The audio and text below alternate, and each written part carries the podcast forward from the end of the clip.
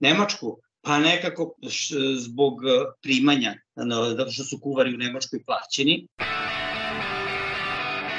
U često puta sebi kažem zašto nisam mnogo ranije otišao, e, možda bi mnogo više naš, i pomogao i svojoj porodici i sebi. Kada dođete u Nemačku, sve zaboravite šta ste radili u Srbiji, jer ništa nije isto.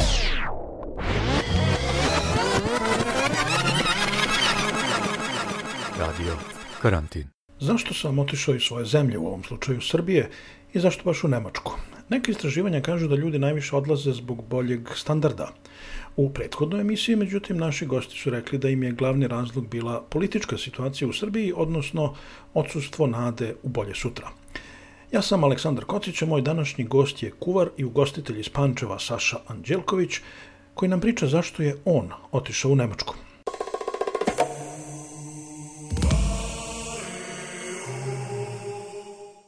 Zbog uslova u kojima sam zadnjih godina radio, jer sam, držao sam restoran 17 godina, bio sam uspešan, nisam poslovao sa minusom, znači sve sam redovno isplaćivao, ali kada sam osetio da to više ne mogu da ispoštujem, jednostavno sam želeo da izađem iz tog posla, dok mogu sve da platim ono što treba se plati državi, jer znaš kako je kod nas, ovaj, dođe ti jedna inspekcija, pa moraš da častiš, pa ručkovi, pa ima i koji su me i ono reketirali, čak i sam radio nekom inspektoru i sahranu majke besplatno, da ti ne pričam neke druge stvari, ucenjivanje, znaš.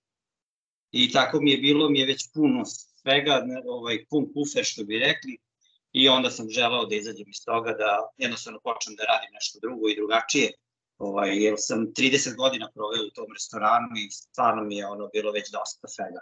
I zašto si izabrao Nemačku? Nemačku, pa nekako prvo zbog e, primanja, e, ovaj, zato što su kuvari u Nemačkoj plaćeni, to sam barem tako bio čuo ja. Ali kada sam došao u Nemačku, onda sam tek video koliko ja nemam pojma i ne znam ništa o tome.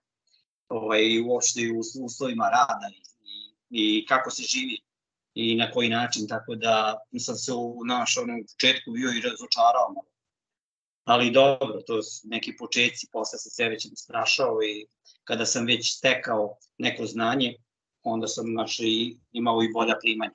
Kaži mi, ti si otišao uh, bez porodice? Bez porodice, tako je, zato što su naš ono kuće ostalo mi troje dece, žena, otac živi sa nama u kući, znaš kako žena mi nigde ne radi i onda sam otišao bez njih da, da radim, šta ću da se volim, da nađem neki posao koji mogu da onako odradim kako treba i da ostanem na malo, malo duže. Znači, I radio sam prvi godine na crno, nisam bio ni prijavljen, ništa. Koliko ti je trebalo da nađeš prvi posao? Boga mi, iskreno ti kažem, tri meseca sam ja uh, oglase ovaj, pratio i kontaktirao ljude, tako da sam imao raznih pitanja od poslodavaca.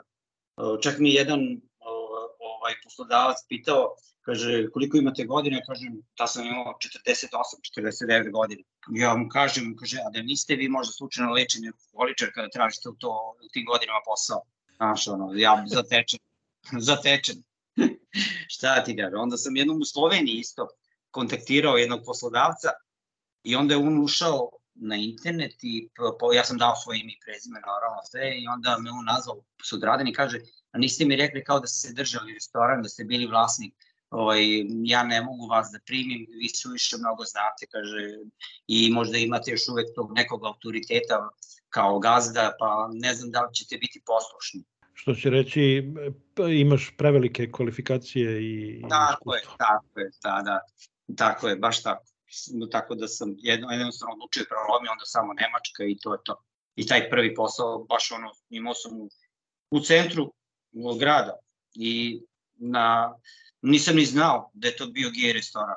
I vlasnici su gejevi bili 25 godina u braku i to, ali me niko ništa ono nas nije ni dirao, niti mi bilo šta, neko, ono, neka averzija na to, znaš, ono, da aludirali. Ja sam radio svoj posao, meni je kuhinja bila poluotvorena, znaš, u dubini šanka i onda su gosti videli šta ja radim. E, tu sam morao da radim strogo u rukavicama, uvek da budeš čist, pedantan, to se vodilo računa, neki put sam morao i dva puta da se presvučem u toku rada. Zato što je, e, zato što je kuhinja bila otvorenog tipa. I on, ali neko lepo iskustvo, ne mogu da kažem. Ovaj, sviđalo se, tu sam radio godinu po dana. Šta, šta je tamo bio tvoj glavni specialitet? Pa, prvo, tu se radilo rano ovaj, ujutru, doručak je bio veoma bitan. I tu se radili razni doručci, ovaj, od klasičnog engleskog doručka pa do ovih njihovih nemačkih razno razne jaja na, na sto načina, onda ovaj, neki namazi, slanine i naravno neizbežne njihove kobasice, ovaj, vina wurst, weisswurst, niberška kobasica i tako te stvari. To u obilatim količinama to se ujutru kod njih jelo.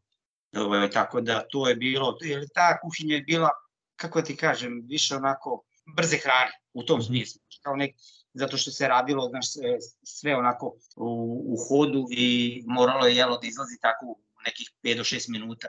A gde sada radiš? Sada radim, uh, sada sam u Kelhajmu, ovaj, radim na brodu uh, rečnom na Dunavu, koji saobraća od Kelhama do uh, jednog, jedne pivare čuvene koje je iz 1170 neke godine ovaj, radi još uvek pravi pivo i tu masovno turisti iz Velike Britanije, Francuske, Italije, Španije, Amerike dolaze, putuju i idu tamo ovaj, da obiđu tu čuvenu pivaru i ujedno i da pogledaju taj krajolik koji se vidi iz broda kroz te neke klisure i tako to ovaj, to, to je neki sat vremena u jednom pravcu i 40 minuta nazad, tako jedno 4 do 5 tura i onda uveče idem nazad u stan. Znači, to je kao kad bi se vozio u nekom autobusu, tako neki osjećaj. Ništa posebno. Ne spavam na brodu, niti bilo šta, to je isključivo turistički brod, ono, za tu maršrutu koju, koju vozim. Šta im spremaš? Tu spremam uh, uh, jela, uh, iskreno ti kažem, uh, te uh, vi, šnicla vina art, to je njihova ta čuvena, kao kod nas, bečka šnicla. Onda za decu ima chicken agency sa pomezom, pomfritom, izvinjam se, ovaj, i ovaj, tu su onda razne vrste kobasica i e, voćne, voćne kupove i pravim kolače i torte. A u jesen onda imam puno banketa i uh, koktel partija i tako to. I onda tu se baš, boga mi, radi muški, onako tu su po 200, 220, 150, ne, nema ispod 150 zvanica broda. Ovaj, onda se tu rade razni brančevi, to baš onako muški se odrađuje, razno razna hrana, ono, njihova klasična ona, nemačka, od Schweinerol bratena sa kupusom i knedlama, ovaj, pa sve do nekih e, veganskih jela i raznih tih veganskih pasta i tako tih stvari, pa onda razne, razne ribe, uh, morski plodovi i tako to. Kao nekome ko je naučio da kuva u Srbiji, koliko je teško prilagoditi se drugoj kuhinji? Kada dođete u Nemačku, sve zaboravite šta ste radili u Srbiji, jer ništa nije isto. Od načina pripremanja hrane do pečenja mesa na roštilju, tu ima znači, stavke koje moraš da znaš, medium, medium plus, uh, duišu, odnosno dobro pečeno i tako te stvari. Znači, to se strogo vodi računa i uh, prema mesu se opode baš ono sa velikim poštovanjem i ne može nijedno pače mesa da izađe ako nije onako kako je to gost želeo i mora da bude vrelo, tako da se i tu gleda na sat i na vreme i mora da se dobro poznaje kako se radi uopšte u kuhinji. Znači, nema nikakve veze sa, sa Srbijom. E, mnogi su dolazili, ja sam sretao ovde ljude naše koji su dođu iz Novog Sada, iz Beograda i dođu, kažu ja sam kuvar stanu, ima pozicija grill i pozicija tave, odnosno šporet, gde se rade prilozi i druga jela na, na šporetu. I, znači, budu dva dana, tri i odustanu. Jednostavno, to nije to. Oni su očekivali, znaš, ono kod nas, nabacaš na roštilj, spečeš na ovalčinu, staviš luk i ako ide pomfrit malo i završi to ovde ne postoji, jer svako jelo ima svoj prilog, e, znači nijedno jelo nema isti prilog, niti e, znači moraš da poznaješ i vrste mesa i sve ostalo, da ne pričamo o ribama ovde, tako da to je stvarno, moraš da budeš minimum jedno 6 do 8 meseci da bi rekao da nešto eto, znaš da radiš. Tako da znanju u Srbiji puno ne pomaže. A jel mogu da te pitam malo onako filozofsko pitanje, šta nam odnos, šta nam kuhinja nacionalna govori o kulturi neke zemlje i nacije? Pa iskreno da ti kažem, mislim da naša kuhinja je mnogo bogatija i kvalitetnija u odnosu na ovo što ja ovde radim. Ovaj, I govori, o, mislim da možemo slobodno da kažemo da i mi imamo tu neku kulturu dole u Srbiji, barem što se kuhinje tiče i svega ostalog. Ovde u Nemačkoj e, mislim da su malo to pomešane kuhinje i da to nije ono naš, baš što bi se svidelo, barem našem profilu ljudi koji, koji dolaze, zato što je tu sve nešto slatko, slano i u tom smislu. Evo, ja sam živeo u Španiji 10 godina i e, nekako španska kuhinja koja jeste dobra, ali ne mogu da kažem da je nešto posebno impresivna, ali se vidi iz načina na koji oni spremaju hranu, kako se jede taj tapas, sve male porcije i tako dalje, puno ribe. Vidi se život na polju, vidi se klima, odražava klimu i vidi da. se nekakvo uživanje u životu. Znaš, sad sam opet u Britaniji, bio sam ranije pa sam se vratio. Ovde, da, da. ovde ti je hrana, ne kažem da nema dobre hrane, ima, ali je odraz drugačije jedne kulture koja manje sedi na polju zato što je klima takva, manje da. nekako uživa u životu. sve je nekako daj na brzinu da ili da se ono da se najedeš, da si spreman da izguraš ceo dan, Da, da. Ili daj nešto na brzinu. Znaš, ovde se, na primjer, ručak u velikoj meri preskače ili se pojede nešto na sendvič i tako dalje i onda rana večera i tako. Tako da ti to nekako na, neči, na neki način govori nešto o toj naciji, o toj kulturi. Pa vidi, ovde u Nemačkoj e, jako uh, pridaju ručku i tačno se zna, mi počinjemo sa ručkom od pola 12 i ljudi dođu i jedu sa uživanjem, jer oni to stvarno, kako ti kažem, strpljivo ono, i sačekaju, ne mogu da kažem, i, oda, i odabir jela je kod njih veoma bitan, jer mi kartu ovde menjamo, uh, svake nedelje imamo mitaks kartu, odnosno dnevnu kartu koja ide šest dana u toku nedelje i sledeće nedelje ide nova. Pored, red, pored onog jelovnika koji imamo konstantno u restoranu. I onda imamo plus još jednu kartu koja je mesečna ili dvomesečna u zavisnosti od sezone. Onda ide u sezona divljači, sezonja, sezona pečuraka, sezona gusaka, pogotovo kad je sezona gusaka, to je to je strašno koliko ljudi posećuju i dolaze i jedu kojle i brusteve, odnosno batkove i, i meso belo, ajde da kažemo, odnosno grudi, gušće. I to se priprema onako baš pikantno i prilozi su veoma, veoma lepi i prijatni. Mi smo namerno odlučili da počnemo ovaj serijal sa pričama iz Nemačke, jer nekako je Nemačka, znaš, kad, kad u bivšoj Jugoslaviji kad kažeš idem negde napolje, to je prvo, bilo. što, prvo što ti padne na pamet je Nemačka. Nekako majka svih naših emigracija. Uglavnom ljudi kažu, ne kažem svi, ali uglavnom ljudi kažu zato što se dobro zaradi. Šta pored toga tebi e, nudi Nemačka? što se zna neki određeni red za bilo šta. Od plaćanja računa pa do uh, uslova rada na poslu, znači sva tvoja neka prava koja ti možeš da ostvariš i to ono što potpišeš u ugovoru, oni se toga pridržavaju i to u svakom momentu ti možeš da tražiš da oni to ispune. Znači Tako sigurnost. Da, sigurnost, jes. Ja kada sam za brod potpisivao ugovor, ja sam potpisao odmah dva ugovora pošto sam išao prvo tri dana, bio sam tamo na probni rad. I e, njihovoj porodici cijeloj sam na brodu pripremao hranu od predjela, znači ko, kolača, čak sam mesio i našu štrudlu sa makom, ili oni to obožavaju tamo. Kod njih je pogotovo afel štrudla, odnosno štrudla sa jabukama, veoma, veoma zastupljena i to je kod njih, odnosno jabuka je kod njih kraljica i svi kolači od jabuka su number one. Znači, bez jabuke ne može se zamisliti. I onda kad sam odradio taj probni rad, vlasnica me zvala u biro i dala mi je prvi ugovor da potpišem na taj e, iznos bruto, e, satnicu, i onda mi je dala drugi ugovor, kaže ovo ćeš imati posle tri meseca, jer e, bio je tako, mi je ona barem rekla, zbog Auslanda centra, tamo gde se prijavljujem ja kada dođem da radim, ne može odmah da mi da tu veliku platu, jer sam početnik. I e, kada je prošlo tri meseca, oni su to ispunili i ja sam dobio tu, tu drugu platu na koju sam potpisao taj drugi, kada sam potpisao taj drugi ugovor, to su ispunili. Stvarno nemam reči. I neki, neki život onako, šta ja, za meni se sviđa ovde, pogotovo tamo u Bajernu, Meni se sviđa ta klima. Meni to prija jako. Nemačka uvek ima potrebu, odnosno sad obno, nekako ponovo izraženu potrebu za radnom snagom od spolja. I puno ljudi kao ti ode e, sa namerom da ostane neko vreme, da zaradi. Koliko je lako u Nemačkoj preći tu granicu kad si samo strani radnik i kad postaneš građanin? O, pa to je velika granica i u, ovaj, zato što Ne mislim ono u formalnom smislu. Ne, ne u formalnom, nego i u novčanom, ono, znaš, ono, u onom smislu, uh, vidi, uh, da bi ti postao građanin, ti moraš da ispuniš neke određene uslove. Ne može to tako, da bi te oni priznali.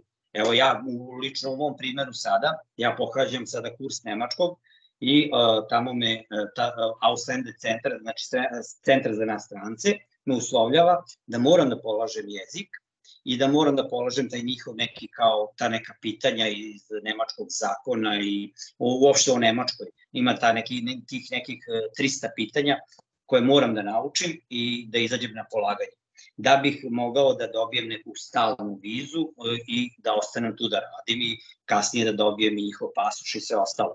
Znači, put je malo trnovit i nije tako baš lako, pogotovo za nas koji smo stariji od 45, kogod hoće da ide da se da zaposli u Nemačku i da preda u ambasadi e, za vizu, mora da zna da ili da mu poslodavac da čet, blizu 3900 i nešto evra treba da bude bruto iznos za platu, ili da poseduje, kao što je bilo u mom slučaju, ja sam e, da poseduje kuću i minimum 20 e, godina staža u Srbiji, da ne bi kasnije pao na njihovu socijalu, odnosno da ne, ne moraju da ga izdržavaju kada bude odlazi u penziju. Znači, to je jedan od uslova za ljude starije od 45 godina. I gazde se najčešće ne odlučuju da te prijave na 4000 evra, jer to njima i suviše mnogo, em dolaziš prvi put i šta ja znam, tako da su ljudi od 45 malo degradirani. Jel ima nešto što ti se posebno ne sviđa u Nemačkoj?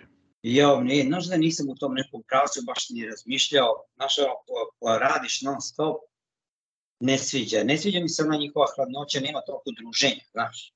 Ovaj, iako sam imao veću pomoć, mora, to moram da naglasim, kada sam odlazio u stan, e, jedno vreme sam živeo sa koleginicom jednom u stanu, istom delili smo i plaćali zajedno.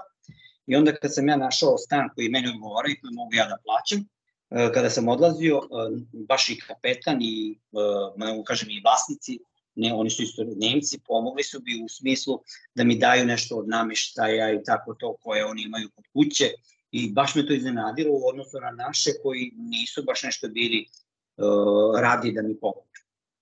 a imam tamo na brodu i moje kolege i sve to koje rade, čak imam i jednu iz grada Pančeva koja radi sa mnom.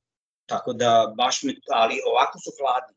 Što se tiče druženja, ovaj, onda, onda dobije dete, on to, njemu je kao, znaš ono, normalno, niti on to javi, niti bilo šta i tako teke neki, što kod nas to odmah na sva naša vrata i to, to se pije, to se časti, znaš, i on, tako to, eto, te neke stvari, te sitne mi smetaju, a drugo ništa, znaš. Mislim, stvarno sam ono stekao dosta prijatelji i Nemaca, tako da je ono super. Jel, jel počinje da, da deluje kao kuća? Pa meni počinje, ja se vidi sada da sam došao ovde u Dizelov i ovde mi već nekako, znaš, nije prijatno, jer sam ovde proveo isto skoro dve i po godine. U Dizeldorfu? U, da, u Dizeldorfu, ali kada se vratim tamo dole, ovaj, u Kelheimu, tamo se nekako u tom stanu osjećam kao u našu svojoj kući. Da li što sam ja sredio taj stan onako po nekom svom nahođenju i onako nešto slično, neke uslove da imam kao i kod moje kuće, pa možda i zbog toga, ovaj, a i tamo imam uh, više i prijatelja, znaš, i onda možda zbog toga jednostavno. Ti, ti i ja smo Pančevci, inače školski drugovi. Tako ovaj, je. Kad, kad odeš u Pančevo, kad odeš kući u Srbiju, jel da. počinje, jel, jel ti izgleda drugačije nego ranije, s obzirom da nisi tu svaki dan? Jeste, ma sve je drugačije. Znaš, ovaj, vidiš onaj narod kako se muči, kako radi, da ne pričamo postoje sad ovoj vlasti i ostalo, to je već politika, ovaj, ali to je strašno, mislim, ovaj, ne, ne, ne mogu da verujem da ljudi to ne vide, naš, ovaj, da se, ne znam, slepo veruju onom programu 1, 2, ne znam, Pinku, ne znam čemu, užas jedan, znači to me toliko nervira, znači ta, ta slepa verovanja, znači kao u Domanovićevoj onoj dangi, onaj vodi, oni idu i razumeš i slepo i veruju, a ne vide da idu u propast. I hoću da te pitam još na kraju, jer ja to pitam stalno sebe i stalno razmišljam o tome s obzirom da dugo živim na polju.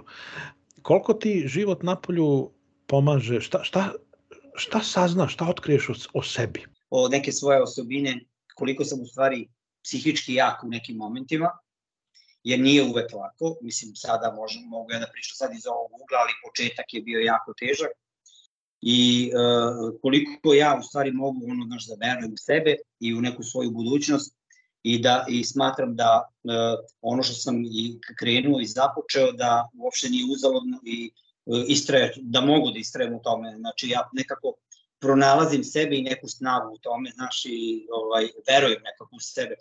Ovaj, I kada dođem, znaš, ono, pošto sam više u stanu sam, da imam puno vremena i da razmišljam o svemu, znaš, i prolazi mi tako neke slike i uh, često puta sebi kažem zašto nisam mnogo ranije otišao, uh, možda bi mnogo više, znaš, i pomogao i svojoj porodici i sebi i drugačije bi se možda i neki način života izmenio i sve ostalo bi bilo možda mnogo bolje i drugačije. Smatram da sam izgubio dosta godina tamo što sam bio na jednom mestu ovaj, i toliko radio. E, to je moja velika greška. Misliš da nije kasno otići sa 40, 50? Pa eto, ja u 49, a eto, pa ja mislim da nije kasno ovaj, e, ako čovek veruje u sebi, ako ima cilj i zašto je otišao, znaš. Ovaj, tako da, ono, ako želiš neki uh, bezbrižni, znaš šta, ja sam neka i vrsta žrtve, kako da ti kažemo, porodice, ja živim odvojeno, ali nis, nije ni njima lako. I oni su je na neki način žrtva, su odvojeni od mene i, i moja, naša ono, deca su uskraćena za neku pažnju moju. Apsolutno. I tako te sad, znaš, tako da e, ne mogu baš to da tako razvojim, da sam samo ja žrtva, oni nisu, znaš. Tako da je to obostrano na neki način i svaki na svoj način ima neku svoju težinu. Znaš, to, i to, to me lomi isto, znaš, ovaj, ali nekako kada vidim da E, mi sin ide u dobrom pravcu, iako ja nisam nostao uz njega, zahvaljujući im naravno i moje suprugi i sve to, onda, znaš, to mi nekako opet daje snagu, aha, idemo dalje, ajde, znaš, ovaj, kako je kod nas dole, ako nemaš para, ne može dete ni da se školuje, niti bilo šta, a zašto da mu uskratim ako je već dete talenat i ako može da uči, znaš, i to je sve tako, eto, pa me onda to sve pokreće, sve me gura i to je neki, eto, jedan od, jedan od motiva, da kažem, za odvojen život.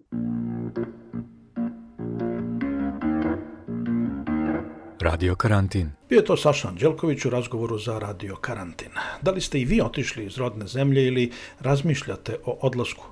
Javite nam se. Pratite nas na Soundcloudu, Deezeru, Apple podcastu i pre svega na našem sajtu radiokarantin.eu. Mi smo i na Facebooku, LinkedInu i Twitteru. Nađite nas, ostavite komentar i podelite da bi nas pronašli i drugi. Veliki pozdrav!